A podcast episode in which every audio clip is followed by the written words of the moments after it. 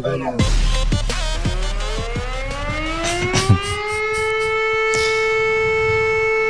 Vecā labā poga.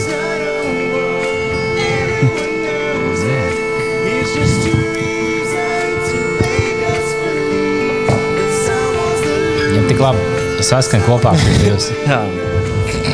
Šī ir īpaši bāliņam izvēlēta polijas uh, sirēna. Jo katrai valstī izrādās citā, citādāks sirēna. Ah, jā? Ah, jā. Lai Es skatījos video, ka bija tagad desmit valsts, un kam bija visi. Ko tā Itālija bija tāds? Tā varētu būt. Viņa tāda. Tikai tan, tan, tan, Tad, nu, ejam slēpties, bet, nu, tā dejojam, nav baigā panika, bet nu, labāk ejam slēpties. Ja kāds negrib, var neslēpties. Jā. tā. Mēs, nu, iesakām, lēnām dejot uz bunkura pusi.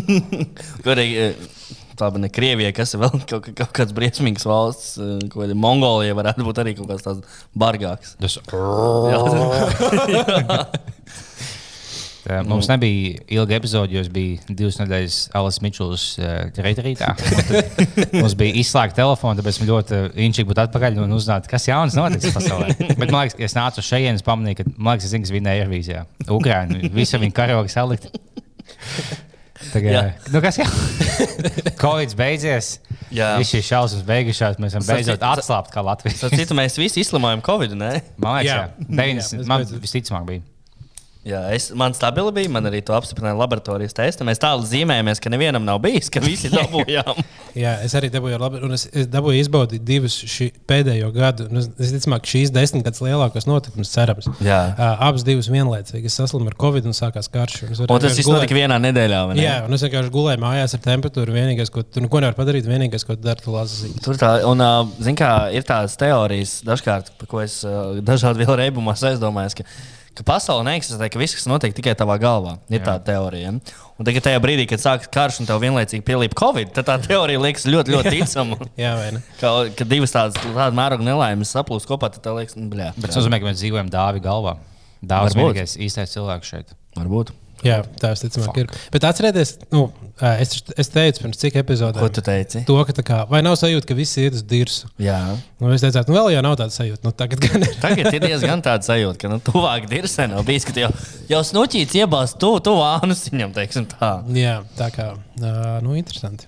Nē, nu, interesanti. Es nav. neteikšu, interesanti. Bet, jā, bet šo pogu mēs varēsim atkārtot līdz beigsies karš. Man patīk tā šī kā- poga. Tā kā Jā, tā gaidīsim, labi. mēs varam sākt epizodes, un tā cilvēki, mums varēs uzzināt. Tā kā viņi būs, būsim Jā. tāds īsts labs source. No, Ja ir tādi, kas nelasa ziņas vispār, jo Jā. tam ziņām nevar ticēt, tad var zināt pēc tās pogas, ka vai ir vai nav beidzies karš, uzslēdz bija vaļā.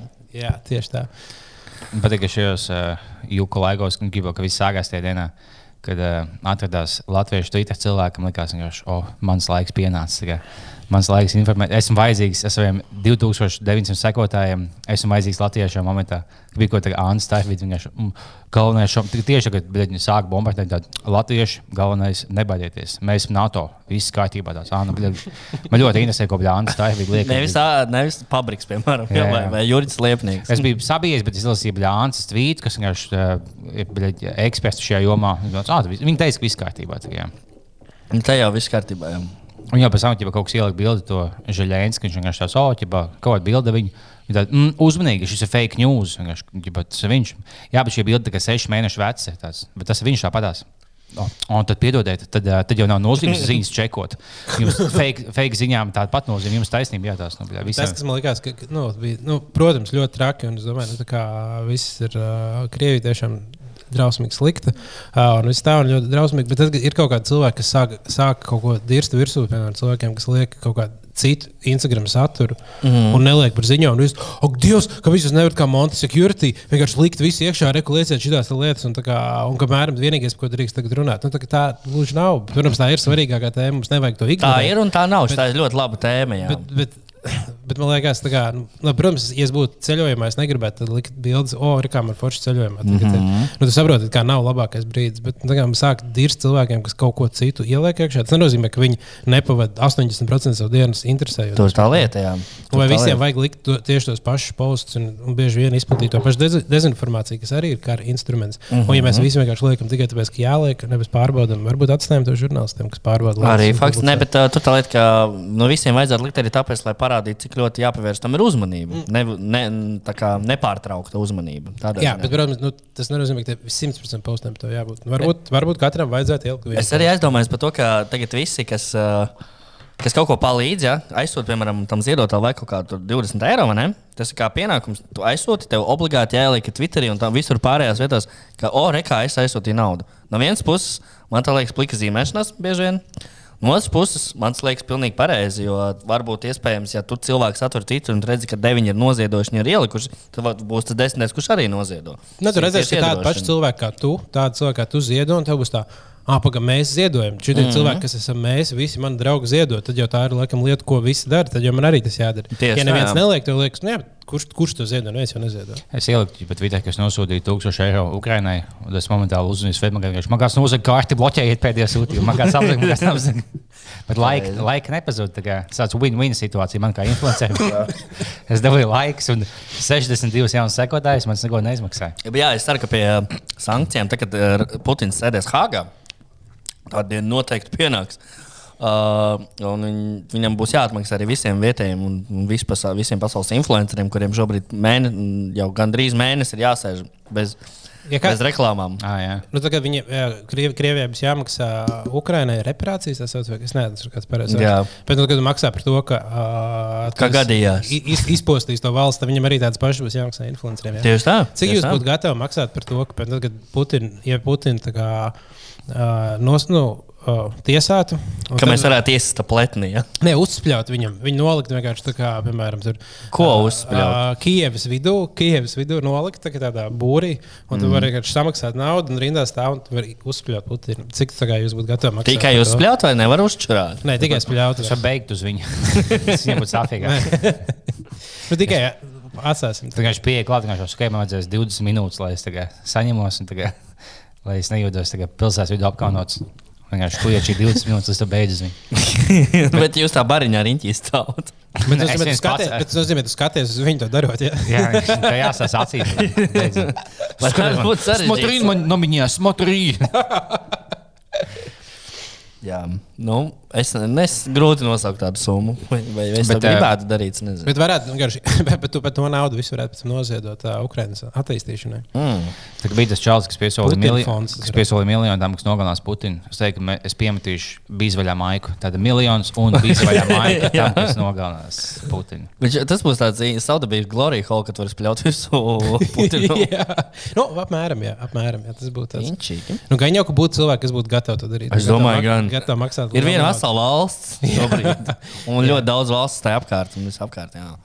Miljoniem cilvēku. Bet katrā gadījumā, visā šajā nu, tādā ziņā, ja nu kaut ko pozitīvu var atrast, tad var atrast pozitīvu to, ka krievi nenormāli bomži. Gan? armija, armija vienkārši tā kā bišķiņa izgāšana. Tas ir, tā, Viņiem bija tāds pie, piārs, kopš padomju laikiem uzturēts, ka krievu varena armija lielā, Krutā super krutā, krievu armija. Beigās vienkārši viņi, viņi izmanto parastas rācijas, kas ir tā kā, kuras var depo nopirkt. Nopērc, viņš vienkārši, viņa ģenerālis aizbrauc uz depo, sapērkās rācijas, iedod visiem citiem, un pēc tam jebkurš cilvēks internetā var klausīties, ko viņi runā. Nu, Tāpēc, ka tur viss ir uzbūvēts uz bailēm, tur neviens nevar atzīt ja saviem priekšniekiem, pateikt, ah, nē, mēs šito neesam izpildījuši. Ja? Nē, plus arī, plus arī pilnīgi visi zog. Ja, kā, ja, mm. zog, ja zog apkopējs, ja zog karavīrs, ja zog uh, ministrs un vispārējie, visā ķēdē, kas gan uz, uz augšu, gan uz leju Tad tev beidzās benzīns, braucot uz Tad Ukrajinu. tu arī zodz. Un, uh, protams, ka tu nodod atskaitos, jo mums viss ir bijis, bijis nevis jau nedomā. beigās vajag naudu viss. Jā, un tad, kad izrādās, tad ir uh, diezgan traki. Bet tas tik rēcīgi, cik viņi,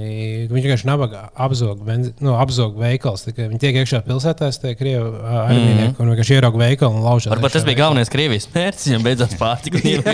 Kas Tagad tā būs. Ukrainas vakt ēdienu? Mums nav variku. Tagad tā būs. Man liekas, viņš ir, kad um, nav neviena Krievija, Krievija nav neviena kompānija, kas taisa sieviešu higiēnas lietas, kā paketes un tam līdzīgi. Viņam uzliek sankcijas, viņam, viņam nav neviena kompānija, kas taisītu tik daudz sievietes, ka vienkārši nav nekādas iespējas dabūt higiēnas Tā būs tagad, jā. Nu, Jā. kaut, nu, es to lasīju, tagad es, es, man nebija laiks čekot visus avotus, ko es lasīju. Tev es avots parasti ir. Reddit. jā, tas bija mans tvīts, kas bija iemests Redditā. Un es uzspēju apvotus, un es ticu šim un nečekošu. Jo man patīk šis. eh, Jā, Nē, tur būs diezgan traki. Ir, ir viens ir tas, ka viņi pat neražo daudzas lietas, bet pat ja viņi kaut ko ražo, viņi izēja materiālus dabū no ārzemēm, un viņi jau nevarēs viņus dabūt. Mm. Jo tur jau sāk viss aiziet uz taloniem. jau runāja, ka būs ieviesījis jau uh, limitācijas, cik daudz nopirkt. Kad viens cilvēks nevar nopirkt pa daudz sieru, jo tad Super. visiem nepietiks. Super. Un, lai nebūtu nesāktos spekulācijas, lai cilvēki nesapirktos daudz sieru un teikt, ka ir jau naudu pārdošana. Kamēr, nav, uh, kamēr mums Latvijā nav spekulācijas, cik katrs drīkst pikt vīnu un saltus, man viss ok. Jā. Droši, var tā darīt. Nu, Latvijā mums spekulācijas ir uz uh, teātris izrādēm, kad bija tas uh, Ah, jā, tas Džons Malkovs. Džons Malkovs. Jā, jā, jā, jā. Tad mums spekulē ar to, ka Krievijā spekulēs sieru. Bet mēs dabūjām sieru vecīt. Hei, Spekulēt, Nebūs būs labs vārds. Spekulēt, es spekulēju, laikam, kaut kas. Spekulēt. Es spekulēju. Kas tev saka, nu, es spekulēju savā kompānijā, kaut ko mēs spekulējam, kā nopelnīt naudu. Galvenais spekulants. Tā, Kurš mēs spekulējam, joki ka tu- par šito. Paga- Par spekulāciju? Ne par, par Krieviju.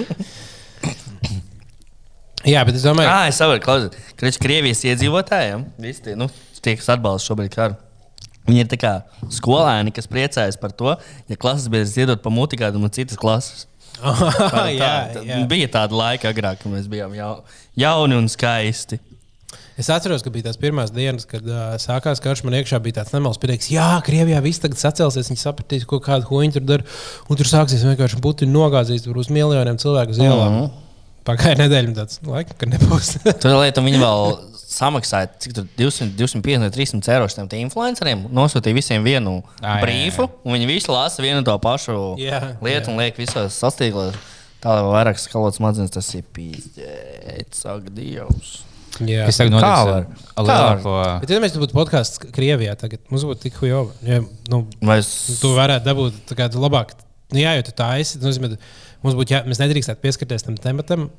Un, ja ne, mums tur būtu vai nu jāmelo, vai jā, būtu Bet jāizlaiks, ka nekas nenotiek. Jā. Jā. Jā. Hei, runājam par uh, uh, Sankcijām. aktuālajiem restorāniem, kas vēl palikuši Krievijā. Bet redz, Abiem. pieminēt, ka viņas slēdz ciet, jo tad arī tā kā pie- Arī, jā, kā tu vari nepieminēt to? Hei, tur izjāna, ah, blē, man nestrādā Apple. Jaunās spēles, ah, nē, Playstation arī ir izgājis ārā un viss slikti. Ne, bet mēs- bija smieklīgs video, kur kaut kādā ā, no žurnālistiem Krievijā bija teiks, nu jā, Apple ir izgājis no mūsu tirgus, bet mums nevajag Apple, jo mums ir mūsu Krievijā ražotais, tā kā Ā. mūsu paši telefons kaut kāds tur ir. Un tur vēl tajā brīdī viņi pateica, ka paskatīsimies, vai tas tiešām darbojas. Acīm redzot, ir kaut kādas šaubiņas. Esmu šokā, ka bijuši mazi video, ka vecs omīts daudz Apple, iPhone un tam līdzīgi. ķipa. Nam не нужен этот iPhone. Esmu tikai vienu video redzējis, ka viens fujaks āmurs sadalās. Jā, Jā, jā, jā, to iPad daudzī. Un tur bija galvenais sīcis blakus. un Viņi nu, tā kā to drīkst darīt tikai ar brīvlēm, jo tur var nu, acīs iešķīst daudz maz tie ā, ekrāna gabaliņi, ā, un tas var būt ļoti, ļoti bīstami. Plus jau iegādājies viņu. Tas jau tavs. ir. Jā, ne, bet viņiem arī tik laikam, tur nu, to grūti un nestrādā kaut kādā reģionā, kaut kas tāds - tāds ir baigais. Viņš ir čakariņš. Jā. Nu, traki, bet uh, vienī, vēl viena laba ziņa. Es zinu, ko- kas negribētu būt šobrīd. Labi, jā, negribētu būt. Ukrainā zemnieks kaut kāds. Jo tu, iedom- tu nevari vairs strīdēties kaimiņiem, jo katram ir pa tankam. Jā. Tieši visiem ir Diezgan. seši tanki savā fermā. Tā tev govs ir nošauj. gotiņa, saitas, tanki. No saudzēja govs pēdējos 20 gadus, bet beigās dabūju izšaut. Man nebija vietiem tankiem. Katrs tanks maksā 40 tūkstoši. Dabūju tas govs. Nahi. Viss apēda un tagad stāv. Bet, bet, ko viņi varētu darīt ar tiem tankiem?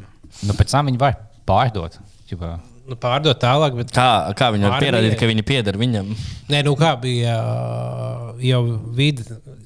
Ukraiņas vidi pateica, to, ka nebūs jādeklarē tie ā, tanki. Ā, ļoti labi, var jā. tā kā no- Varēs braukt pa pilsētu, tā kā ar viņu uz nu, veikalu. tad- Bet pa laukiem, ja tev vajadzēs braukt ar gan jau, ar viņu var kaut kādā. Kaut ko Pielikt, pielikt galā klāt kaut kādu ārklu un vienkārši braukt tanku. Tāpēc, ka viņam pieciem gadiem tas kaut kāds jauns ukrāņš, kas tiekās meitene, ja jāiet viņas tēvs satikt, kas ir lauksaimnieks. Viņš vienkārši sēž tankā, viņam reāli sēž tankā.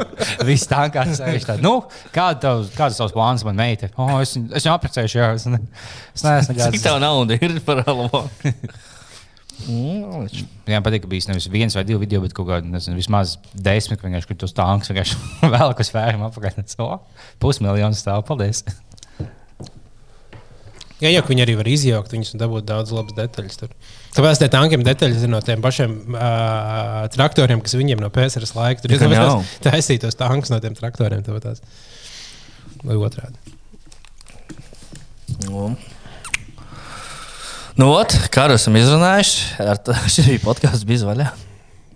Jā, bet nu, es nezinu, man grūti runāt par kaut ko pilnīgi ne? citu, Nekas cits jau neesmu- baigi. Nē, labi, tagad ir bijušas pirmās dienas, kurās spējas esmu atiet un darīt arī kaut kādas citas lietas, izņemot tikai. Tāpēc, ka viņi vairs nav iebrukumi pilsētās, tagad vienkārši bombardē. Jā, nu tagad ir tagad norims, jo viņi neko tālāk nevar izdarīt. Man liekas, viņi tādu loku, viņi, viņi, viņi ir zaudējuši reāli to karu. Viņi parādījuši to, ka viņi nofēlējuši viņam sūdīgu armiju, ka viņi, ka Ukraiņi ir reāli spēcīgāki Un vairāk grib uzvarēt. Tā nāk atomieroči. Nu, tas būtu, nu, protams, tagad nu, jau vairs neko nevar teikt. Nu, jau mēs neko nevaram zināt, bet es nezinu. Ja būs atomi, Jā, Putins jau tā nedarītu. Viņš ir nostājos, ķipā, ķipā, kas notika kaut kādā atomu konflikta gadījumā.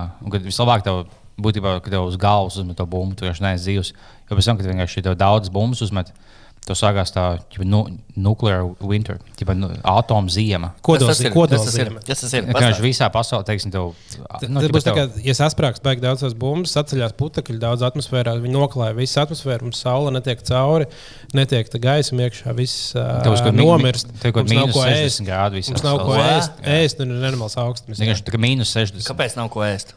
Tāpēc, ka ir ārā augsts. Vai cik ilgi būs augsti? Nu, būtu simt, simts gadiem. būt. Ko?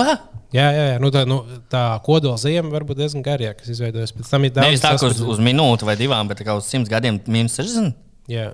Nu, tur var arī cik ilgi, bet, tā, bet, nu jā, kad tev Var, nu, var, 50, okay, labi, varbūt, 60. Jebal. varbūt, varbūt 30 gadi, bet, ja tas, Nu, ir, kaut vai pieci. ja tas ir 2, 3 gadi, mēs esam be, nu, viss mums ir beidzies. Bet visai pasaulē tas ir uzreiz. Tad, jā. jā, ap visu tā kā Ā, pasauli. Nu, var, varbūt, kaut kād, varbūt kaut kādos gabalos, bet ja daudz kaut kur saspridzina. Es nezinu, gan, Kā tad kas ir tas ražot ēdienu? Nu, nevarēs tur jau tā lieta. Uh, bet es, nu, es nezinu, vai, vai obligāti visai pasaulē, un cik daudz Bet var jau vienīgais, kas paliek, ir zivis makšķerēt. Jā?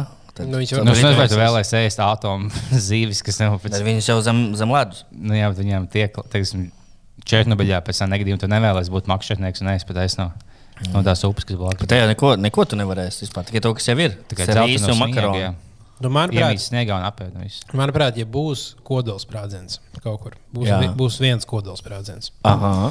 Kad tas uh, notiktu kā kaut kāds, un viņi varbūt tā kā, nezinu, Putins uzspridzinātu viņu kaut kur, ne uz pilsētu, obligāti virsū, bet kaut kur kaut kādos mežos. Tīri, lai parādītu, ka es varu, un tad kaut kā tas kā apstātos. Es domāju, nu, tā kā, ja, ja notiktu viens, tad būtu kaut kādas reakcijas, kas apturētu pārējos. Mm. Tas labi, tāds opt, optimistisks scenārijs. ir labi, ja viņi palaistu atombumbu, mums 50, 50, nespēja tā bumbu, viņiem pašiem piezmētos. Redzot, kā viņiem tehnika tagad ir vienkārši. Ja tu atombumbu tev ļoti, nu, jāuztur, tagad tev jākop viņus vienkārši. Ne, Un tagad tur jau gan jau 60. blakus stāv vēl daži, kas arī uzsprāg. Vienkārši tu palaidām, o, mēs palaidām, o, bļaigi, nahai nāk klajā. Ja vēl ir tās atomu zemūdens. Jā, tās jau arī drags. Tās ir trakākās. Viņām tur ir. uh, Tu nezini, cik viņas ir tajās jūrās. Viņas tur dafīgi un katrai pa 24 raķetēm ir. Viņiem ir arī torpēdas. Nu, vispār. Kurš tu vari atomu torpēdu vienkārši ie- uzlaist pilsētā, ostā, vienkārši ielaist iekšā, kā, Super. kur neviens nevarētu redzēt par to. Un pagaidīt, jo, jo tas, ka nāk no gaisa, to jau teorētiski var paspēt kā pārtvert. Tad viņi uzsprāgs mm. gaisā, un mums bija šī radiācija uzkrīt. Gan es nezinu, cik liela, bet uh, nu, uzkrīt. Bet uh, pa z- nu, ūdeni trakāk. ir. Super. Tā kā nepeldieties, lūdzu, šobrīd nekur. Jo var gadīties, ka tarpēdas nāk. Bet katrā gadījumā pat. Nu, Es domāju, ka ir pagaidām pastāv diezgan liela iespēja, ka nebūs nekas tāds. Bet katrā gadījumā mēs dzīvosim bailēs. Un, uh, nu, tāpēc, ka šobrīd ir tāds. Nu, pastāv iespēja, ka nebūs atomkarš. Bet. Uh, bet nu, tā kā 80. gados arī, kad bija uh, ko- kodola krīze, Mhm. tad, uh, tad visi cilvēki dzīvoja vienkārši ar, ar tādā tā kā, uh, stresā par to, ka ah, nu, vai varētu būt, varētu nebūt, varētu būt. Varētu nebūt. Mm. Tā kā mums mēs bišķiņ sāksim pierast pie tā. Viņš bijām izlutināti ar to vienkāršo dzīvi, kurā bija tikai jāsēž. Jā. Nē, nu vēl var gadīties, ka, ka Putins vienkārši nomirst no stresa un no Mm. apkaunojuma. Uh, un, uh, Vai no naža dūriena? Jā, nu tas ir. Es domāju, ka viņam jau ir viņam 70 gadi. Viņam visticamāk, nu šis nav tā, ka viņš var labi izgulēties, cik viņam vajag, ka viņš uh, nedzīvo baigā stresā. Nu, ka, man liekas, tas stress diezgan nāk pa sliktu. Un, nu, na, es nedomāju, ka viņš pēdējos divos mēnešos ir tā baigi labi. Bet varbūt viņš dzer mūsu uh, jau kaut kādas tādas veselības dzērienus, Ah, nu varbūt. reklamēm, kas, ie, kas iedvesmo, atjauno un uzmundrina. Uz Jā, to Viņš ar jogu nodarbojās, izstaipās, izveidojās. Domā labas domas. Viņš jau dienas beigās. Visas problēmas ir mazas. Vajag atslābināties, vienkārši veltīt laiku sev. Un Viņš čuču labi. Jā.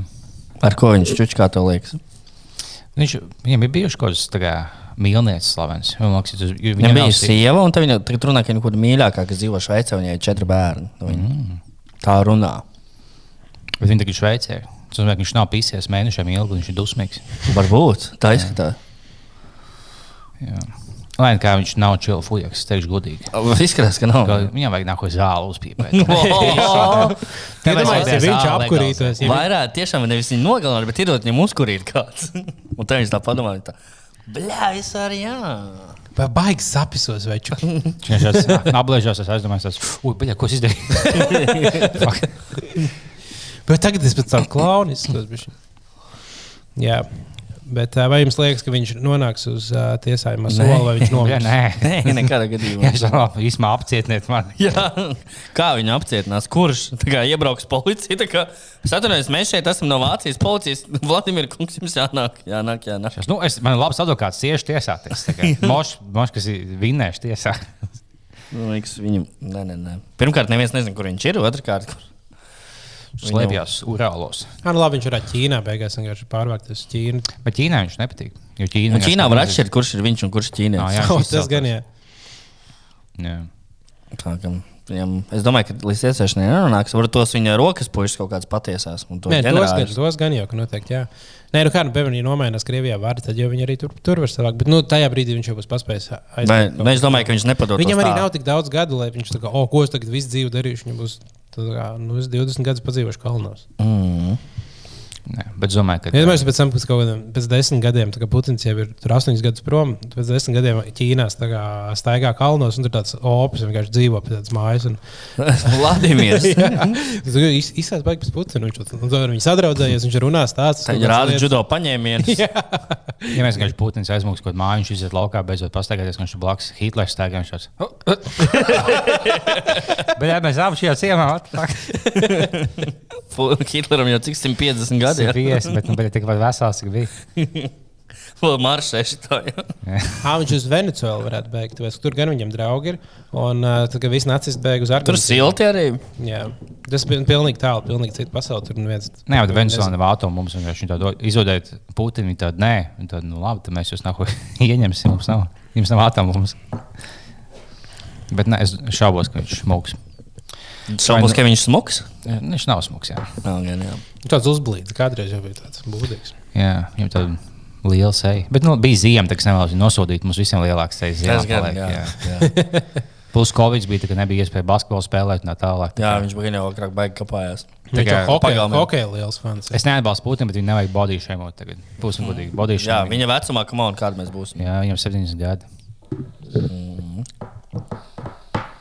Kas vēl noticis bez, bez kārtas? Kas īstenībā? Nu, vēl pāris futbola Nu, spēles. Lembergs iznāca no cietuma. Jā, tas ir labi. Tas ir Un super. Lembergam bija iznākot no cietuma nenormāli daudz mantas. Es vienkārši nevaru iedomāties, kas viņam, kas, kas viņam bija vajadzīgs. Viņam bija mantas, nu, tur kastes tādas četras. Gumijas četras- lēles dahu, Viņi, izm... viņi izmēros kaut kādā, nezinu, tur bija. Viņi ir tādi ļoti mazi. Jā.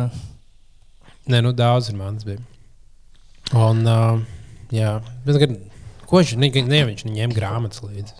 Drēbes viņam arī baigi daudz nevajadzētu. Nu, Nē, nu, viņam ir ļoti daudz drēbes. parasti. Viņam Oh, oh, jā. 75 uzvalk dažādās krāsās. Viņš jau projām uzvalkās tā, kā, tā kā viņam ir tāds cietuma uzvalks speciāli mm -hmm. uzšūts. Viņš jau ne pirmo reizi. Viņš, tādā, ziņā, tādā ziņā viņam labi. Tā, kad viņš gāja braukt uz cietumu, viņš zināja, ko, ko ņemt līdzi. Šī nav pirmā reize. Mm. Viņš cietumā bijis nevienu vienu reizi. Kā jums sajūt, ka Rīgā ir uh, Preits. Blinkens? Kas ir Šobrīd. Uh, Press- Pres, pres, no ASV preses sekretārs. Mm. Baigi augstais fujaks. Pagaidām, vēl, bet vēl brauks Izraels premjerministrs ja? vai ārlietu ministrs? Izraels premjerministrs, uh, Kanādas premjerministrs, ka, Kanādas aizsardzības ministrs. ārlietu ministrs bija Izrēlā, nevis premjerministrs. Jā, Man liekas, tas Man liekas- neesmu drošs.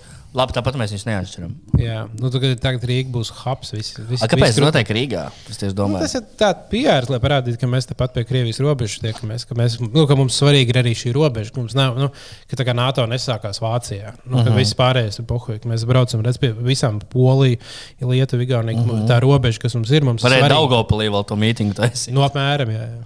Bet bija tā intervija, kur intervēja papriku un tā, ko BBC sieviete. Tā, nu, Bet kā jums liekas, ka viņš tagad, ja Putins ieņemtu, tad viņš būtu tieši pie NATO robežām kaut kas tāds. Viņš, Jā. Mēs jau, viņš jau sen ir, tā kā mēs, Latvija, Lietuva, Igaunija. Ah, okay. Jā, visi tie Latvijas politiķi, kas tagad ir, viņi visi perfekti noperformējuši šajā te situācijā. Mēs Jā, jo mums īstenībā tagad, nu, kādreiz mums bija diezgan sodīgi ar tiem, kas varēja, uh, tagad gan papriks, gan kariņš. Viņi visur, kur viņi ārzemēs mēdījos parādās, viņi Ir jau kaut kādam vējonim būtu jārunā. so this is a problem. I don't very like this. serious situation. And, and, Oh, wait, it's like that. and we well, are- nothing special. All this. and no good. we don't like, we don't want it We- in our country. yes. Vi skarbi nosodām. yeah. We are really not happy about it. Yes. Putin go home. Bet paskatieties, pat visi, jā, pat, pat Gobsams kļuva par uh, Putina hateru.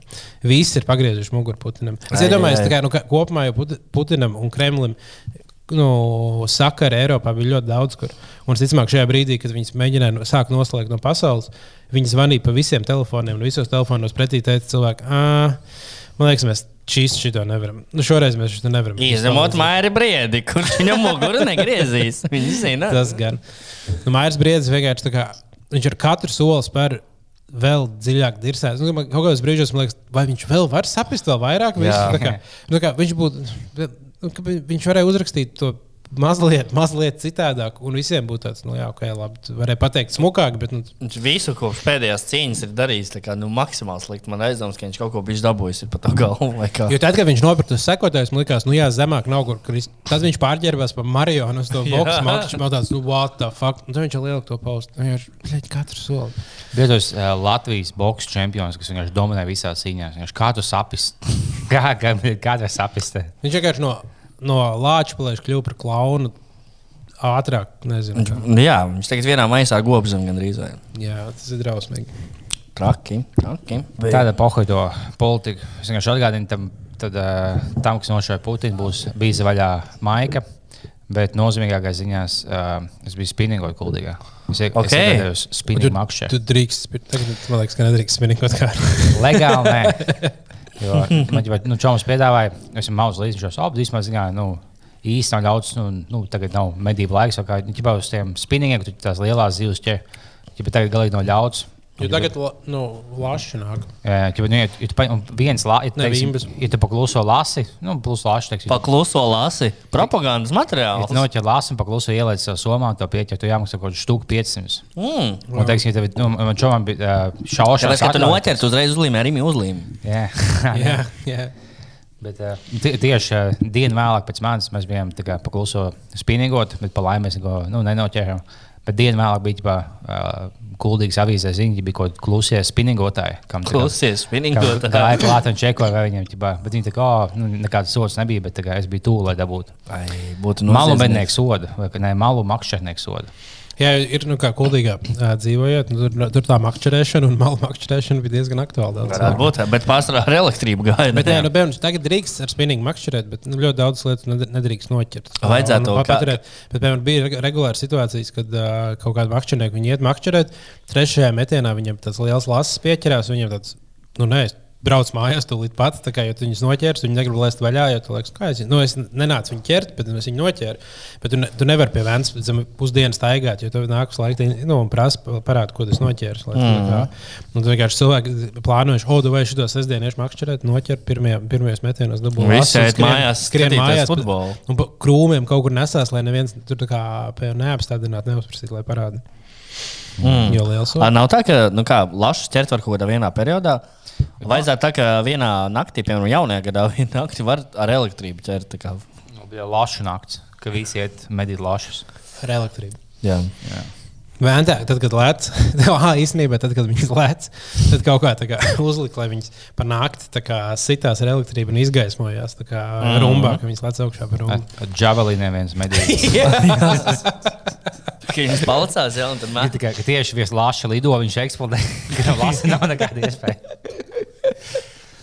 Es nezinu, tas man liekas, oh, liekas, pirms tam, ja tu esi makšķernieks, vai mošs, kas nāk finansiāli izdevīgi, teiksim, tu aizies uz upi, noķer pieci zivs, to pēdi, un tu esi plusā. Bet īstenībā Galīgi nav. Galīgi nav tie visi ap, aparatūri. Ja Ja? man tas čoms ir teicis, o, viņš jau savu vietu mākslinieks spinningo, bet, ja to no mākslas tas on, ja es paņemu šo mājās stāvu. Uh, es tā saucu, kāda man ņem, es tās, es tās, nu, es ņemšu šādu vidēju, ja nu, ne, ne pašu lētāko, zinu, ja to mājās stāv desmit gadus. Es ņemšu šādu vidēju, cik maksā vidēji. Tās, nu, vidēji maksā četras otakas. Nu, tad, es, tad es ņemšu tādu ķīniešu. Četri solti. Nē, nu, gan jau par simtu visticamāk arī var nopirkt. Vēl. Tā Es paņēmu no lētā gala. Pre par četriem sotikiem vajadzētu, ka man viņi sēžot mājās, Jā. caur voltu pasūtīt. Jo tad, ziniet, te- te- tās mazās gumijas zivs, ko Tas tu daudz salas Tā, es teiksim, viena maksā. Es paņēmu vienu lētākā maksā kaut kādu 7, bet tāda vidēji Ko? maksā 25. Ko Gumijas tu zivs. dirzi? Un tu ļoti, tu iemet kaut kādā. maksāja 30 centīm agrāk. Nu, bet, padomā, Nevis gumijas zīves, bet nu, visi, kas ir tie Wobleri. vi- Bobleri, jā, jā. Un, teiksim, tu iemet viņu nahuj upē, to aiz kaut kāda sūda aizies, viņas papis, un šādu papis 30 eiro. tik Nu, nē, nu nevar būt tik Jā. daudz. Jā, nu, labi, tie, kas 30 ir dārgi. Jā, tie ir, nu, la- Bet tie tiem labi, taču jā. vajadzētu būt tādiem, ka viņi iet uz zivīm sarunā, ka viņas pašas nāks krastā. Nu, tā ir. Jā, tā ir. Bet, uh, um, jā. Bet tā- tāpēc ir daudz labāk no laivas makšķerēt, ja tu spinningo. Jo vienmēr ir tā, ka grieķirās var piebraukt klāt un izāķēt ārā. Ja tu no Es krasta nezinu, man, kā- man patīk, ka es aizēju uz Rīgā un nopērku to zīvu mieru. Nu, jā, bet tas ir citādāk. Vai es atvainojos nevis uz Rīgā, es uz Rīgā neiešu vairs nekad uz Lidlu vai uz Maksimu. Ko tu neesi uz Rīgā? Tāpēc tur ir tā dārgs viss. Nu, bet tu maksā par to dizainu, tam logo. Tu maksā par. Uh, Kurš ir sarkanā krāsā, na, uh, ka- komunistu krāsā. ah, ok, tad tas viss. Tu maksā Es- par rusofobiju, jo viņi iznāk laukā visas krievu produkts. Jā. Bet pagaidām mēs nevaram iet uz Rīgā, mēs nevaram iet uz Maksimu, uz kurien tad jāiet. Uz Lidlu. Labi, nē, es, es tagad ne, ne, neaģitēju pie neviena veikala. Vienkārši uh, es biju Lidl un man patika cenas. Bet man nepatīk produkts. Tur tāda atšķirība. Šis tas bija ok, bet nu, tā. Kāpēc viņiem tik lēti viss maksā? Jo kāds iemesls? Es nezinu. Nu, piemēram, tur ir viskijs, ā, nevis Captain Morgan, bet Captain Cook. Tāpēc, ka, viņi, eiro. tāpēc, ka visi tie nu, 90% no tiem produktiem ir visos Lidl veikalos pasa visos pasaulē. Tas nozīmē, ka viņi spēj iepirkt nu, nenormālos daudzumos. Tad viņiem ir firma, kas ražo tikai priekš Lidl. Piemēram, Jā, piemēram, vai viņi arī pērk, viņiem ir speciāla dīla, ka mēs pērkam nenormālā kvantumā, uh -huh. un tad mums ir milzīga loģistikas ķēde, un mēs to spējam izdalīt pa visiem veikaliem. Un tāpēc, ja topiņš pērk tur tā kā tūkstoši, tad viņi pērk desmit miljonus. Uh -huh. Un tad, kad tu pērc par desmit miljoniem, tad ir lētāk. Ja tev ir laba loģistikas ķēde, es domāju, tu vari to cenu nolaist lejā. Es kaut kādā. Es no šeina paņēmu visādas daudz sūdu, un viņš viss maksā tik kā smieklīgi lēti.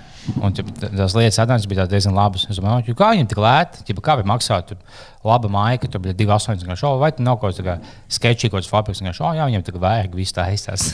Kad tam šeinā vispār tā kā pilnībā vienkārši Ķīnā. Ko- ir šeit? Ķipa, online veikals, kādiem apģērbiem, tam līdzīgi.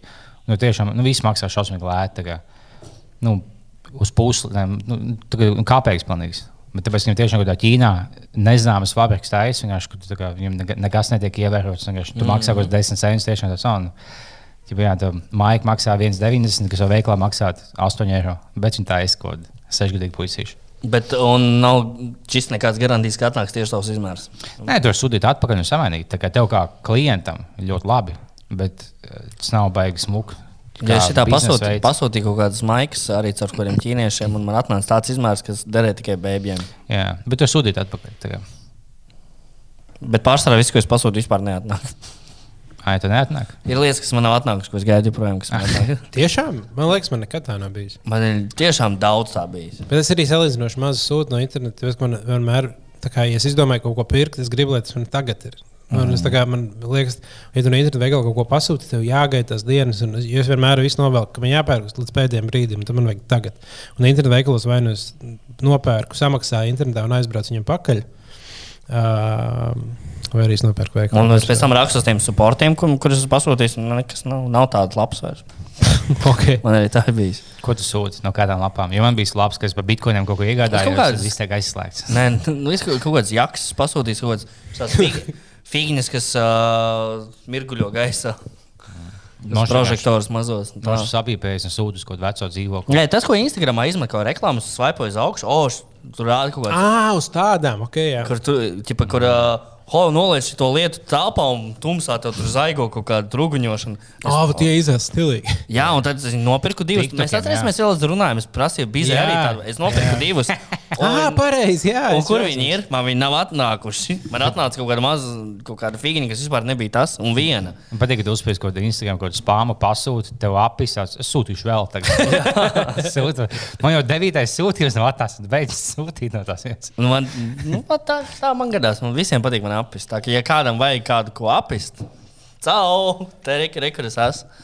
Bet tu vari iet tiesāties Ķīnas tiesās. Jā. Maškīna būs tavā pusē. Es sūdzēšu pret Ķīnu kā valsti. Jā, ģibā, kā tas beigsies? Bet valsts fabrika. Nu, vai mēs tev apvisām? Man šķiet, ka nē. Lido nahuj apakaļ. būtisks ceļojums uz Ķīnu. Nu jā, jūs gribētu uz Ķīnu aizbraukt? Baigi tālu jaudu. Es Ķīnu īstenībā ļoti gribētu aizbraukt. Es kā tieši, cik būtu visilgākais, anēķibā, vai ilgākais, vai visdārgākais lidojums. Un bija tieši Makao, kas ir pie Ķīnas.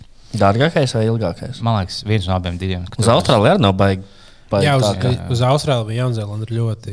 Mm. Ja mēs viņiem stūdēsim no Jaunzēlandes, ka šo aizlidojumu kaut kā šo, šajā weekendā tāds, nu, tu lido nahu uz Austrāliju un atpakaļ. Vai tu vēlēsies 12 stundas lidot uz, uz Poliju? Jā, Jā, tieši, vēl, vēl varbūt uz Āziju, var uz kaut, kā, kaut kur no turienes vēl tā salīdzinoši normāla aizlidot. Cik daudz austrāļu tādu, kur kā, ej, varētu uz Poliju?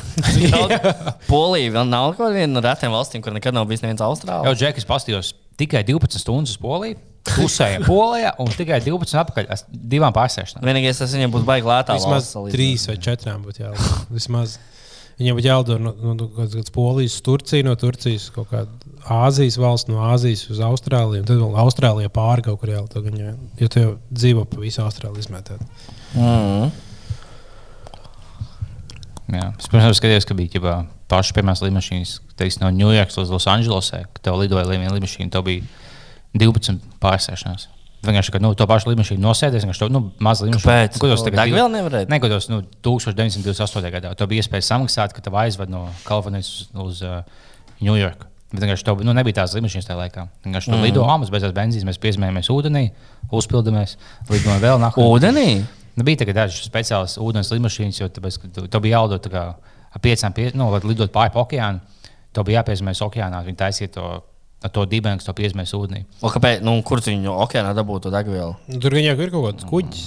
Jā, kaut kas huizin. Bet zinu, ka bija tā, ka Ja, piemēram, uzta, ja tu speciāli uzstājas, ka tev ir četras bāzes okeānā, kurā cilvēki viņi lido, viņi vienmēr zina, ka uz to bāzi var nolaisties un tā kā piepildīt. Man jau Tur ir tā kuģis. nav patīkami lidot, jau man būtu jā, jā, jāpiedzīvo, kā mēs vēl pa ceļam piecreiz pies, piesēdīsim okeānā. Tas jau īsais, pieci piesiešanās ir īsais lidojums. jā. Būs tev apakaļ jālido tagad. Kopā mm -hmm. 18. Desmit reizes piezemēsimies okeānā, kur tūkstošiem kilometru attālumā nav nevienas dzīvības. Un iedomājies, ir tā kā vētra. Pusceļā sākas vētra, un tev ir jānolaižās vētras laikā, kamēr tu mm. -hmm. mētā to kamēr viņi mēģina kaut kā tādu piešķirpselēt. Ā, Plus tam nebija iespējas izlidot no turbulences laukā. Teiksim, tagad, zināt, tev sākās, un viņš uzlido augšā, un tev to apakšu kaut kāda vētra, bet tu esi augšā. Bet tev bija tik maz līmeņa, tev bija jālido cauri vētrai vienkārši. Jo bija tagad, es ā, atlidoju, no, kas bija Zanzibārā, man bija kaut kāda autisma fāze, kas nedēļas skatījos pa lidmašīnām, liekas, vienkārši, kā viņas lidot, ja kāds bija. Un, uh, es saprotu, ka bija viens fujaks, kam ir YouTube kanāls, kam ļoti patīk lidot. Viņam, teiksim, video, kā viņš lidoja 80 stundas no vietas ekonomiskajā klasē. Viņš kā lidoja apkārt pasaulē. Viņš laiku lidoja, ja viņš tā kā iespiest, nu, tā kā tipiskā ekonomiskajā klasē. Viņš, teiksim, lido no Anglijas uz kaut Dubai. Viņš piesmējās, jau, ok, es piesmējos. Man pēc stundas nākamais lidojums, viņš uz fiks pārēda un lidoja tālāk. Viņš pat neizgāja no lidos. Viņš vienkārši visu laiku lidoja 80 stundas no vietas. Būs pat nebija tā, ka viņš beigās izbaudīja, viņš, viņš lidoja kaut kādā Kāpēc viņš to darīja? Viņš viņš- viņam autisms vienkārši tā, būtu, patīk būt lidmašīnā. Viņam, pat kā, viņam pat tik nepatīk, tāpēc viņš, viņš, lidoja, di, viņš lidoja 12 stundas no Anglijas uz kaut kādu vietu, viņš piezmējās, viņš bēda kaut ko kēpes, viņš bija 12 stundu lidojums. Un man vēl palikuši 68 stundas. Es- Es teikšu, godīgi, man, man pietrūkst manas sievas. Ir cilvēki, Man patīk patīk lidot. lidot tā kā tik ļoti. Jā, es viņam YouTube kanāls, ka viņš, visu laiku lido ekonomiskajā klasē, vai teiksim, o, esmu tagad kaut kādā sketčī Āfrikas valstī. Es lidošu ar viņu ķipa lidmašīnu, kas vienkārši tā kā. Ja viņi pat nav oficiāli nekādā atbildībā, Ā, kaut nu, kādā viņš zaktā viņam zina visu, visu lidmašīnu firmas numuru. O, jā, o, fuck. Un tad viņam ir vienkārši tāds Jā, viņš tāds, no, o, es šito trīs dzinēju, tas tur Boeings. ir, Jā, tā jā. kā, Oh, my God, tas, tā kā, šis ir tā kā mans pirmais lidojums. Man, man rītā ir jālido. Es zinu, ka es šonakt negulēšu, jo man ir diezgan dirsā bail. Bet viņš ir tāds, ka 80 stundas saka Dievs. Vienkārši non-stopā. Tu, vienkārši, tu pat neizēji no, no lidostas. Vienkārši piezmējies, o, esmu Indijā. Spēju lidošu vēl 12 stundas. Nu, man liekas, ja lido ne ar Raineriem, bet ar normālām lidmašīnām, es, es varētu Raineram? Maz vietas. Tādā ziņā. īstenībā ir ļoti underrated. Nē, viņi tādā ziņā, nu, ja tev vienkārši vajag nokļūt kaut Jā. kur, un īpaši, ja tu lido stundu, tad Es vienalga. baigo nu, tā- Nē, nē, tādā ziņā nu, nav. Es ar Labi, apkalpošanos jā. redzēju milzīgu atšķirību. Tā kā Air Baltica ir tā kā top. Nu, super. Nekad mūžā neviena problēma nebija ar Air Baltica. Uh, Rainer, nu, tur man bija tā, ka pēdējā reizē bija kaut kur. Tad uh, pēkšņi pasakā, ah, nevar iečakoties online, var iečakoties šeit pat lidostā, bet 50 eiro no personas. Nu, jā, nu, Tā- kaut kā, nu, tā kā, tur, tur, tur, būs kaut kādas tādas lietas, tur tev, nu, tev nebu, nu, jā, tā ir vienkārši, bet, lai pārvietotos divus stūri uz Berlīnu tik vai uz mm. Londonu, nu, tas tā kā, man Jā. liekas, Jā, tur ok. bija aizlūgt uz Vāciju par 9,50. Jā. Kas vienkārši. Tagad uz Vīnu bija biļets kaut kad, kaut kāds Tas lētāk nekā uz Daugavpilī. 4 eiro, viena, ap 8 eiro uz Vīnu var aizlidot. Man liekas, ka tu, Jā. Sena, taksijas, ticamāk, ir samaksā Vienīgais, nav, nav tā, ka vienīgais Rainer ir tāds sīkums, ka uz Vīnu aizlidot, tas ir aizlidot uz lidostu, kas ir pilnīgi citā pilsētā. Jā, nu jā. Un Nu, tad tad- taksis, taksis uz pašu Vīnu maksā saka, 40 eiro. Jā. Bet, ja teiksim, ja tu lido to mazo somiņu, tev nav nekas jāpiemaksā. Tad vienkārši iekāp, tiešām sa- samaksā 9 šekeļus Jā. un lido. Un, ta, un tad ar stopiem uz pilsētu pašu. Jā, Jā, kaut kā tur jau autobuss iet, un tie arī nu, jā parasti ir vilcieni. Jā. vilciens vai autobuss aizbrauc. Un, uh, Jā, nu, viņš uz kaut kādu weekendu brauc, pilnīgi normāli. Bet, jā, bet, ja brauc tādās labākās, uh, garos gabalos, nu, piemēram, tur 10 stundas, tad jau liekas diezgan krūti, ja tev, daudz, tev ir ērti, daudz vietas. Tāda noteikti. Jā. Tas var būt. Uh, Ar Rainer var īstenībā ticamāk, arī, man liekas, ka jau, kad es neesmu lidojis ar tādām lielajām, trīs, trīs vai divu dzinējiem, liekas, divi dzinēji, tās, kas brauc pāri okeānam.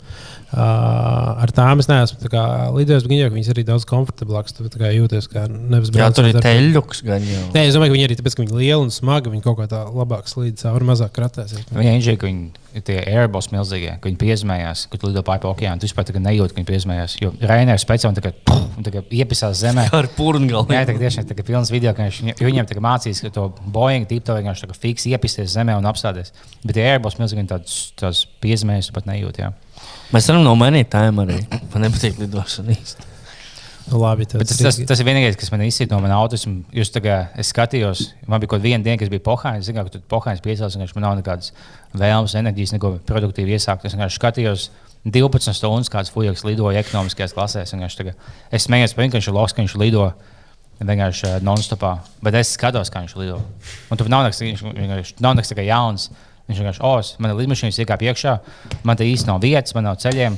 Es lidoju viņš vienkārši filmē, kā viņš lido. Viņš jau oh, laiks iečko to, viņš aizies to, viņš oh, šī tola tā kā visas tolas lidmašīnām. Es tieši apgāju sēdēt. un Viņš, Viņš gaidīja, ka tur pēkšņi būs kaut kāda torte dos. es vienkārši skatos, wow, wow, jā, no tas vēl viens, viens video, kaut kāds 40 minūtes, es nostājos kaut kāds, nu, bet sešas tādas. Tev nebija tiešām nekāds, ko tu biji sakurījies. Man vienkārši tas, bija tik daudz lidos, man jau man nekad vairs nebūs mūžā jālido. Es skatīšos, kā cits. Nekad mūžā, ja? Nu, man būs pēc diviem mēnešiem jālido, bet laikā es nezinu. Bet tas man liekas, ir tik krūti, ka mēs dzīvojam pasaulē, kurā tu vari darīt tik random lietu. un Tu vari dabūt ka Ir cilvēki, kas vienkārši. Plus, tu vari skatīties tik random lietas, un tik kaut kā detalizēt huīņu. Mm. Uh, plus, tu vari darīt tādas lietas. Man liekas, jebku, jebkurai nišai pasaulē, ko izdomā. Ir Ja tev YouTube. Ja tev ir pasaules tirgus, dabūt tā kā miljonus cilvēku. tev kas kaut kāds interesē. pusmiljonu skatīju visiem video. Viņš, tu nav nekas tāds, oh, wow, ķipa, es šito nezināju, līdzi viņš vienkārši iekāpj. Jau man maz vietas, es sēžu, mokos 8 stundas, izkāpu laukā. Tas ir cilvēks dabū to sajūtu, ka viņi arī ir tur tajā lidmašīnā. Nē, tā bija daži, kas komentēja, ka, oh, es esmu vecs onkurs, es vairs nevaru ceļot, es tagad ceļoju caur tevi. Bet tu Kāpēc viņš nevar ceļot? Nu, es nezinu, tu vecs, es tev. Nu, kas nelaiž lidmašīnā pēc 90? Nelaiž. Rainē nelaiž uz Nu, 50 gadiem. Tas gan- Tas čakars, ja tu jo vecāks esi, jo tas ir grūtāk. Jā, jo tu aizmirsti, uz kurien tu lidoji. jā. Abus, ko es uzzināju, ja paskatieties savā lidmašīnā autusma fāzē. Kad tu esi Reinē pilots, teiksim, tu lido, un tu vēlaties li- lidojuma vidū kafiju paņemt. Tu pasaules stūri, paņem kafiju, un tev par viņu jāmaksā. No sas- tev jāmaksā par savu kafiju. Kā Kā? pilotam, ja tev atnes kafiju un, un maizīti, tev jāsmaksā, tev no kabatas vienkārši lidojot, nav ko tev jāizvelk 250, jāiedod stūrtei, ja tev neiet. Tas ir Raineram? Jā, jā. Nopietni? Jā. Es pajautāju, vai Rānam ir pilots. Es esmu, bet es tā kā fake news. Nē, tā ir. Tagad Tev jāmaksā par savu Ko kafiju. tu dari? Tev neietilps algā. Nu, Tā ir bombu kompānija. Nu, kas? Nē, nu. Nē, bet, labi, bet tas ir tas, kā, kādā veidā viņi uh, Nu, dabū. Uh, Man arī bija darbības, kur jāmaksā par savu kafiju.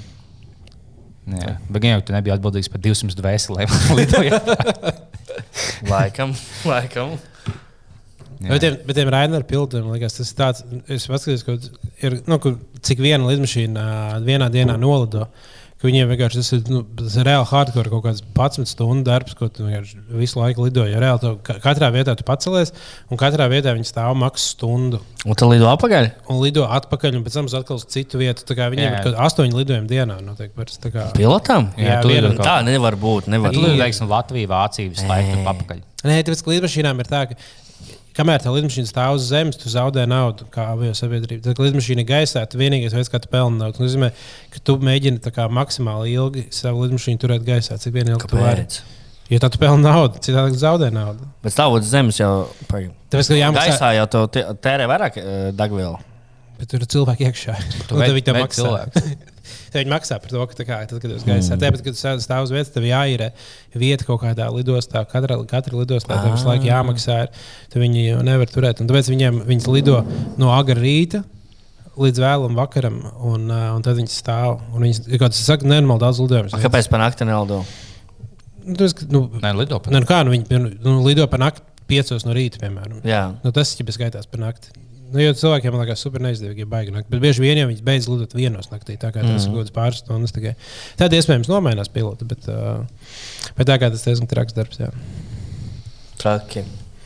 Un es domāju, ka tu esi pa- pašā vakarā lidojot, un zini, ka mans pilots lidojas ar 8 stundas kā, no vietas. Viņš jau piezvanījāmies. tāds pus- es, es biju kiemī, ka mēs piezvanījāmies. Es nāku pamostas, bet kur mēs esam? Es ko- Un es jau biju iedzēris vakarā. Bet pohuļ, nākamais lidojums man ir pēdējais. Es zinu, nu, man jau vēl trīs paredzēt, bet ar šito pohuļu pīstē kalnā. bļa. Jā. Uh, es atklāju to, ka zinu, kas ir zēbis. Erekcija. Gan drīz nav tālu etiķis. Okay.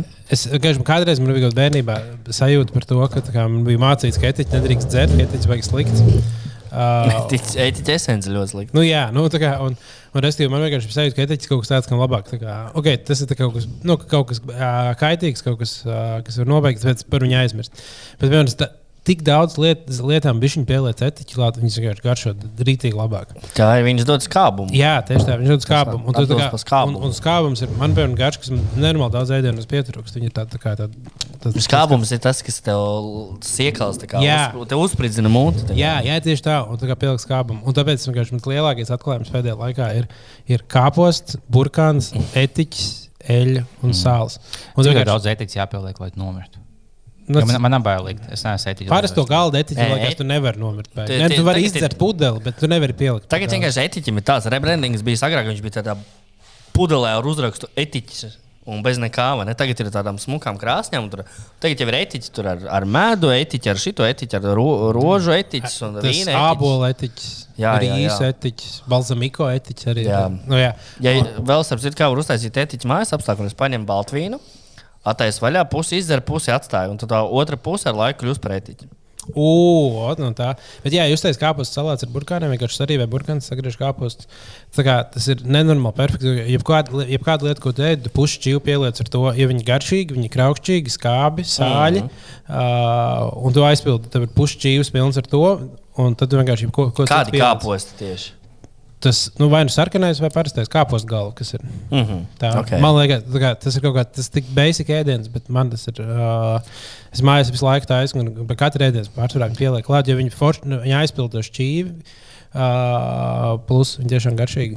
Un, uh, Bet, ja es teiksim, lēju etiķu, un es aizdomājos un pielēju par 40% vairāk nekā vajadzētu. tev būs ļoti skābi. Vai es nevaru akls palikt? Nē, Nē. tu, ne, tu nevarēsi iet. Tad ētiķa esence ir tas, par ko mums bēr- bērnībā brīdināja. Tādu vairs nekur nevar dabūt īsti. Jā. To, ko agrāk Tā, tur- kas izdedzināts, tev tā kā tagad tā vairs Jā. nevar būt. Tā- tev tā tev būtu skābi. Tu nevarētu iest šobrīd. Tev liktos vienkārši būt ļoti skābs. Tev būtu oh, šis pat raksts, tu nevari Es iest. vienkārši nesen izdzēru Man to. tā kā tev bišķiņi varbūt liktos, ka tev apde- apdeg tā kā kaut kāda, nu, mutē Mm. kaut kādas lietas, bet tas būtu tā, tā ka, es nezinu, dažreiz, vecs kivijas ēdas. Es vienkārši nesen uh, izdzēru to, vecos kivi, termometros iekšā, tas uh, sudrabainais. Man bija maksas sūdīgi. Tas nav Kā, kā to sauc? Dzīvesudrabs. Dzīvesdarbs. Jā, nu tā nav. Bet tās, bet tās nosaukt dzīvesdarbs. Dzīvāks ir. Jā, vai ne? Jā, sadariet dzīvesudrabu. Dod tā dzīvību. tā kā. Lai kad mēs bijām mazi, bija tik daudz lietas, par kurām mums bija ideja, ka viņas ir nenormāli. Kad, kad tu Krievija. Krievija nomirst, Krievija, tad tev dzīves darbs. Bet tās viss bija PSRS lietas. Nu, jā. Dzīv- jo nav nekas labāk. Teiksim, oh, tajā laikā bija tā dzīvesdarba termometrs. Tagad mums kaut kas vienkārši super neprecīzi. vienkārši. jā. Vai arī mājās ir divi termometri, no kuriem neviens neko nepareizi nav rādījis pēdējos divus Es, gadus? man ir arī divi šādi elektriskie termometri. Es viņiem nekad neuzticos, bet viena lieta, ko es sāku darīt, tad, kad es tiešām gribēju pārbaudīt temperatūru, es iebāzu abos, divo, abās padusēs, katru savu. Mutē un diesā. Kā, katru, katru savu termometru, un tad es salīdzināju rezultātu. Ne, bet, ja, ja, ja tajos nu, jaunajos, tad, ja, oh, ja tu lietas padusē, tad jābūt tik un tik. Ja tu lietas mutē, jābūt tik un tik. Ja tu lietas pakaļā, jābūt tik un tik. Tad ielikt savu mutē pakaļā, un ja pasalīdzināt, no tiešām, esmu slims pēc abiem mērījumiem. Jā, tad kā tev vispār gāja pa- pagāja Covid? Kopumā, kāda ir tā Covid pieredze? Rekomendē vai nerekomendē? Es uh, kopumā skatoties, kāda plāna. Es, galvenais, es, es visu laiku arī jokoju. Pirms tam, tā kā, ok, ja man ir covid, uh, tagad šajā nedēļā būtu labi dabūt covid. Tā kā, tā kā, riktīgi labi būtu dabūt covid tajā laikā. Un es tieši dabūju tajā laikā. Vis, visi projekti, kas bija plānoti, man neko baigi svarīgo nebija jāceļ. Tā, tā kā dzīvībai un visam pārējiem svarīgi. Un tad, un ko, pasēdēju pāris, mā, pāris dienas mājās. Nu, man divas dienas bija rītīgi, jo bija temperatūra. Un tā, ka tu vienkārši tiešām nu, kā jūties. Nu, bezspēks, milzīgs, milzīgs Jā. bezspēks. Man- Man, tā dienas temper- neko citu kā gulēt. Man tā temperatūra, bet ja tu visu, visu laiku bišķi jūties haitu, piecelies, kā- piecelies un visu to uh, sarēpst. Un, mm. uh, un, jā, un tās bija divas dienas, bija rītīgi aitinoši, bet kopumā es, tik, es parasti nes, ja ar kaut kādu vīrusu. Tas divas dienas. Ir, un tad jau pēc tam jūtos gatavs. Tagad bija reāli, tagad tiešām nedēļa. Tu, nu, es nebiju baigi, nu, divas dienas bija tiešām slims, un pārējās dienas bija kā kaut kas bišķīt, bet tomēr jūtos laikam. Jā, tāds bezspēks, tā kā mazāk. plus, liekas, vēl tā kā tev ir, jā, tev ir kaut kāds kā downers vispār kopumā, ja tu vienkārši jūties, un tad vēl tas karš notiek, un tad vienkārši tas ir ir- un tad ir kaut kādas pirmās dienas, es tur priecājos par Ukraiņiem, to jā, bet kā viņi sapsīs tos krievus, tad krievi būs izgājušies, tā kā Putins būs huilo. Man Un, bija pusē ziema, jo nav D tad- vitamīnu. Un tad pagāja vēl kaut, kaut kādas pāris dienas, un kad tas jau ievilkās un tas vilksies, un tas nebūs nekas ātrs, un, un tas būs bēdīgi, un tad vienkārši paliek tik depresīvi. Tagad tev vajadzētu atnākt zināt, ka tie, kam ir bijis Covid, tie trīs gadu laikā nomirs. Tā lai pilnē, pilnē programmai. Man bija uh, meitene Covid, un ja es viņai blakus dzīvoju, ko mēs laikam tā kā vienā istabā bijām. Un pagāja kaut kādas četras dienas, man nu, es ta- taisīju to mazo testu, man bija negatīvs. Man jau čoms, kas bija izslimojis, viņš satikties. Tās, nu, labi, ja tu esi izslimojis, pohuļ tiekamies. Tad mēs uh, pasēdējām, viņš jau aizjām uz bāru, bet, nu, labi, ejam, ja nu kas ejam uz bāru tālāk, galdiņu. Plus man bija tikai negatīvs tests, nu, labi, bet, nu, mēs iesim uz tālāk. Beigās, nu, tas beidzās to, ka mēs gājām poker spēlēt ļoti publiskā vietā visu nakti. Es vienkārši nospēlēju visu nakti, tās, bet nu, man bija tikai negatīvs tests, bet nu, it kā es dzīvoju bet, nu, kopā ar Covid. -nieci. Es aizgāju mājās, vienkārši pamanīju, ka viņš momentāli kakls neiznāk. Nākamās četras dienas ar savu piedēļ čai. Es, uh, par, par Covid vai ne? Nu, par Covid tēmu, tad, kad bija šis tēma ierobežojumi lielie. Tagad vairs nav. Tagad to beidzot drīkst atklāt. Es vienu jauku vakaru biju izgājis ārā. Un pabiju vietās, no kurām jāstā, visam jāslēdzas ciet ir 11. vai ne? Bet tā nav. Es biju, es biju tādā situācijā, kur tā filmās rāda, kur uh, tu aizēji. Kaut ko tur apsargi, tur man tur čomi runāja, tur ar apsargiem ko parunā. Tad jau pa garu gaiteni aizved uz slepenu vietu, noved lejā, un tur ir nakts klubs ar 200 cilvēkiem. Kā, nu, nu, es, ne, es neteikšu, kur tas bija vai kā. Es nevienu negribu. Bet uh, Bet, nu, visticamāk, jo tie ir tie laiki, kad notiek kaut kādas nu, krūtākās balvas. tādas vietas esot vairākas. kā Rīgā bija. Jo, piemēram, arī tad, kad bija uh, Amerikā, kad bija sausais likums. Tajā laikā bija, nu, radās nenormāli episki un leģendāri klubi. Kas mm -hmm. pēc tam, kad viss pal- palika tā kā normāli, lab- tā kā tu viņi izplatās un kļuva komerciāli, bet tās īstās balīdzes, par kurām cilvēki atcerās, kas bija leģendārās, tiem kaut kādā klubu, klubu pirmsākumos, ir tās, ka viņi bija nelegāli.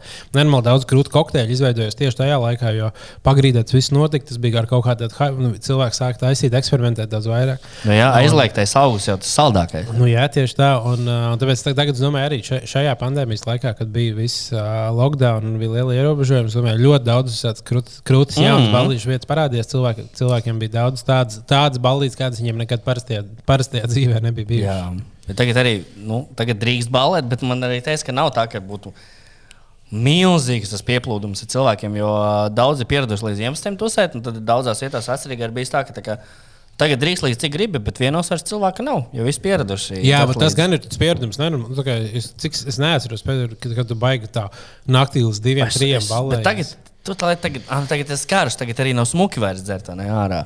Tagad bet tu vari tu var iet dzert, teikt, nu, stress. Tu vari līdz rītam atgā- iet, iet un darīt tās lietas. Nezinu, vai kāds dara. Nē, es atceros, ka bija smieklīgi, tad, kad uh, bija jau nu, kaut kādas divas nedēļas līdz tiem atvieglojumiem, kas tagad no marta sākās. Tieši pirms Covid bija. Pēc pēdējās mūsu epizodes, piemēram, mēs ar Liepiņu aizējām uz vietu, nes, nesauksim, kur. Mm. -hmm. un, uh, un tur kā, un bija vairākas lietas, kur tas regulāri notika. Ir tā kā pūkstens 11, un es tā, oh, nu, mēs, mēs tā kā beidzam. Viņš tā, nu, nē, mēs vienkārši aizslēdzam durvis un maksājam skaidrā naudā. Un, Jā. uh, un tā kā šitās, dur, šitās gaismas mēs izslēdzam, un vispār ir sēž. Es skatos, trīs dažādos bāros bija, kur visiem bija tāds, nu, jo, jo tas jau bija brīdis, kad ir pieņemta atvieglojumu, un mums vienkārši jāgaida. Tāds, nu, labi, Jā. mēs sāksim to darīt, šī nelegāli. Tas nav tā, ka rītīgi aizliegts, jo tajā brīdī, kad cilvēkiem pasaka, ka mēs atļausim jums pēc divām nedēļām, man liekas, tad viss vienmēr ir ok. Nu, Tas jau jā. nozīmē atļauts. Ja tas jau jā, tas ir uh, noziegums ar atpakaļējošu datumu kaut kādā ziņā. Jo visi zina, ka tas nav. Jā, es, es arī biju, es biju pāris vietās, kas pēc 11. aiztaisa durvis un ļauj sēdēt tikai kaut kā. Mēs, Bišķiņ. mēs daudz bijām vienā vietā, un viņam tā kā ik pa laikam policija kā gāja garām ieeja. un tā kā- nu, Kaut kas, kaut kas bija policija, viņa bija šī no policijas. Un mēs aizgājām mājās, un dienu vēlāk tā vietā policija izgāja cauri. Kā iegāja iekšā un salika sodus visiem. Tā kā Cik, cik būtu bijis sots mums kā apmeklētājiem? Ko 200 vai Nē, nav? Paga- Ja esmu apmeklētājs. Daudz, ir tieši- daudzās vietās arī Rīgā zinu, ka bija policijas reidi. Vienkārši viss izdevās ārā un vējiet Ah. mājās. Bet tas bija, man liekas, vēl laikā, kad bija. Tas bija Covid tā kā Tas bija-. Jā, jā, jā bet tas bija laikā, Jo- kad rītīgi nevarēja. Filipa arī rakstīja Instagram, ka viņš dabūjis ar 200 eiro sodu, ja viņš bija kaut kādā vietā, kur nu, pārkāpis to noteikumu. Jā, nē, nu, Kā, kaut kā, kāds- kurā vietā, kā kaut- kura policija. laikam. Tas ir, liekas, arī, jā, kā tu, ar kā tu izturies, ja tu kaut ko tur liecies mm. -hmm. pretī. Nu, tad viņi tā kā gan jau tev noteikti uzliks sodu. Ja tur draudzīgi ātri tā kā pasaka, un pie tevis neatrod narkotikas, Kā tas vispār ir iespējams? tad. Uh, tad Tad kā tu vispār vari atrasties ārā? Jā. Bez narkotikām. Kā tu nepaņem līdzi, ja tu nevari iziet? Tā kā viņš skaidrā aizēja Covid laikā sēdēt bārā. Tas ir bijis aizdomīgi uzreiz. Jā. Oi! Tagad šī ir pārstāvīga Patreon epizode. Šī šķiet ir pa- parastā, bet mums vajadzētu Patreon ierakstīt. Vajadzētu arī Patreon. Nē, nu tagad jau mēs visi veseli. Jā, nē, nu šo, šo mēs ar, nē, labi, atcēm šo parasto. Jā, tomēr tautai, tautai vajag. Jā. Jā. Jā, vajag zināt, kas ar to karu notiek, kāds ir mūsu viedoklis. ja tomēr mūsu viedoklis ir ļoti spēcīgs. Ne tik spēcīgs kā dažiem Twitterī, kas, kas, kas spriež par visu šo. Bet Jā. mums ir ļoti spēcīgs viedoklis. Tā kā, ja tu esi aktīvs Twitter lietotājs, daudz sekotājiem to liekas, skolēs tagad pasaka. Nu, Vienkārši nesaka neko. Nevienam īsti neinteresē, tu neesi vajadzīgs Jā, šiem. tieši tā, turpina liela kaut kādas YouTube dziesmas vai ko tur lietas. Nezinu. Vēl es bildu savu kaķu. Es tagad, piemēram, ar, sākoties Twitterī ar, ar karu situāciju, piesakoju ļoti daudz tādiem ukrāņu cilvēkiem, nu, lai redzētu tās lietas. Un es tieši domāju, kurš būs tas brīdis, kad es viņiem atsakošu. Nu, kā tas būs tas brīdis, kurā es kā sev, pats Viņus būšu kā- kā- Tad, kad es pats sev pateikšu, kā, ok, labi, šī, šī problēma va, nu, jau ir pārāk ilgi, un es viņai nevaru tik ilgi pievērst uzmanību, tāpēc viņiem Jā. Un man tomēr jāskatās datorspēles. Jā. Man tā bija, ka es SPKC atsakot tāds, nu, man pohuis. Tad, bet vilcienā bija viens, man vienalga. Pohuis, kad visi vilci, Covid-19 vilciens tika izvadāts caur, man tagad tiešām nav. Ja man liekas, cilvēkiem kopumā ir tik nenormāli īsa atmiņa. Nu, tā kā man liekas, labi, tagad vispār Ukraiņa trako, bet, nu, piemēram, cik ilgi tu Bet tā lieta, tagad Nu, bija būs mēnesis, tu karš turpināsies mēnesis. Tad mēs visi teiksim, nu jā, Ukraiņā traka, bet tas Tagad jā. aizvien lēnām sāks kā izbalēt no tās mm. dienas. Tagad jau par ūgu dumpu visiem ir pohuj. Tagad ir Jānis Sārts. jā, jā, jā nākamais. Un Zaļinskis atkal ir jaunais kaut kāds kā visām dāmām.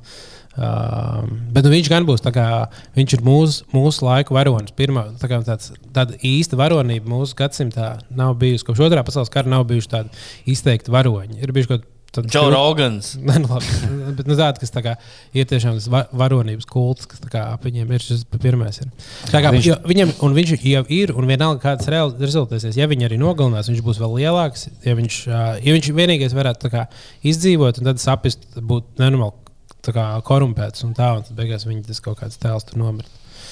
Bet maz viņiem piedod kaut kādu vidēja līmeņa korupciju un zema līmeņa pedofīliju. Tad ļoti zem, tā kā bija jau 15. Jā. Tas, nu, šis nav smuki, bet Nu, es ceru, ka viņš neuztaisīs māju brīdi, tā teikt. Es domāju, nē. no ļoti augstas Man, pozīcijas. man ļoti tieši man šodien bija iespēja redzēt višķiņu. Uh, uh, to viņa seriālu, kur viņš tēlo prezidentu. Jā. Tas ir tik rēcīgi, tā kā, ka tur viņam Jā, tam tajā cik seriālā jocīgi, sāk spēlēt, o, tu būsi prezidents, un tagad saproti, ka viņš beigās ir prezidents. Tikai- Jā. Un nevis, kurš vienkārši prezidents, bet kara prezidents, kurš ir tā kā nonācis tādā nu, nu, reti. Sāka, sāka ar to, ka vienkārši prikolu uz mikrofonu, un beigās Jā. viss, ej, Bija arī tas, tas video, kur viņš, nu, kur viņš dejoja tās klavierus ar, nu, ar krānu, ķipā, nu, skatuves, tā kā Jā. Krievijā kaut kādā. Un Putins bija auditorijā. Putins tā kā rāda, kā Putins smējās par viņu joku, kur viņš tā kā dejoši. Tā, tā kā, nu, viņš tā kā dejo un, un it kā ar krānu spēlē klavierus. Un Tur skan tā kā līdzīgi, un viņš tā kā tieši ritmā tā. un Putins tāds smējos, tā kā tur seja pēc tam. tā kā tu Iedomājies, jocīgi, pēc, tā kā pēc, kaut kādiem pieciem gadiem viņi ir tā kā lielākie ienaidnieki. Viņi sazinās savā starpā. Viņš vienkārši lai nogalina viņu tā kā spēcvienību. Jā, vai ne? Vienkārši- nogalina. bet es domāju, tā kā tas, kas notiek, mēs jau tagad mēs ziņās dzirdam, o, tur bombardēja vai reku tur bildi, kā ir sa sašauts mašīnas.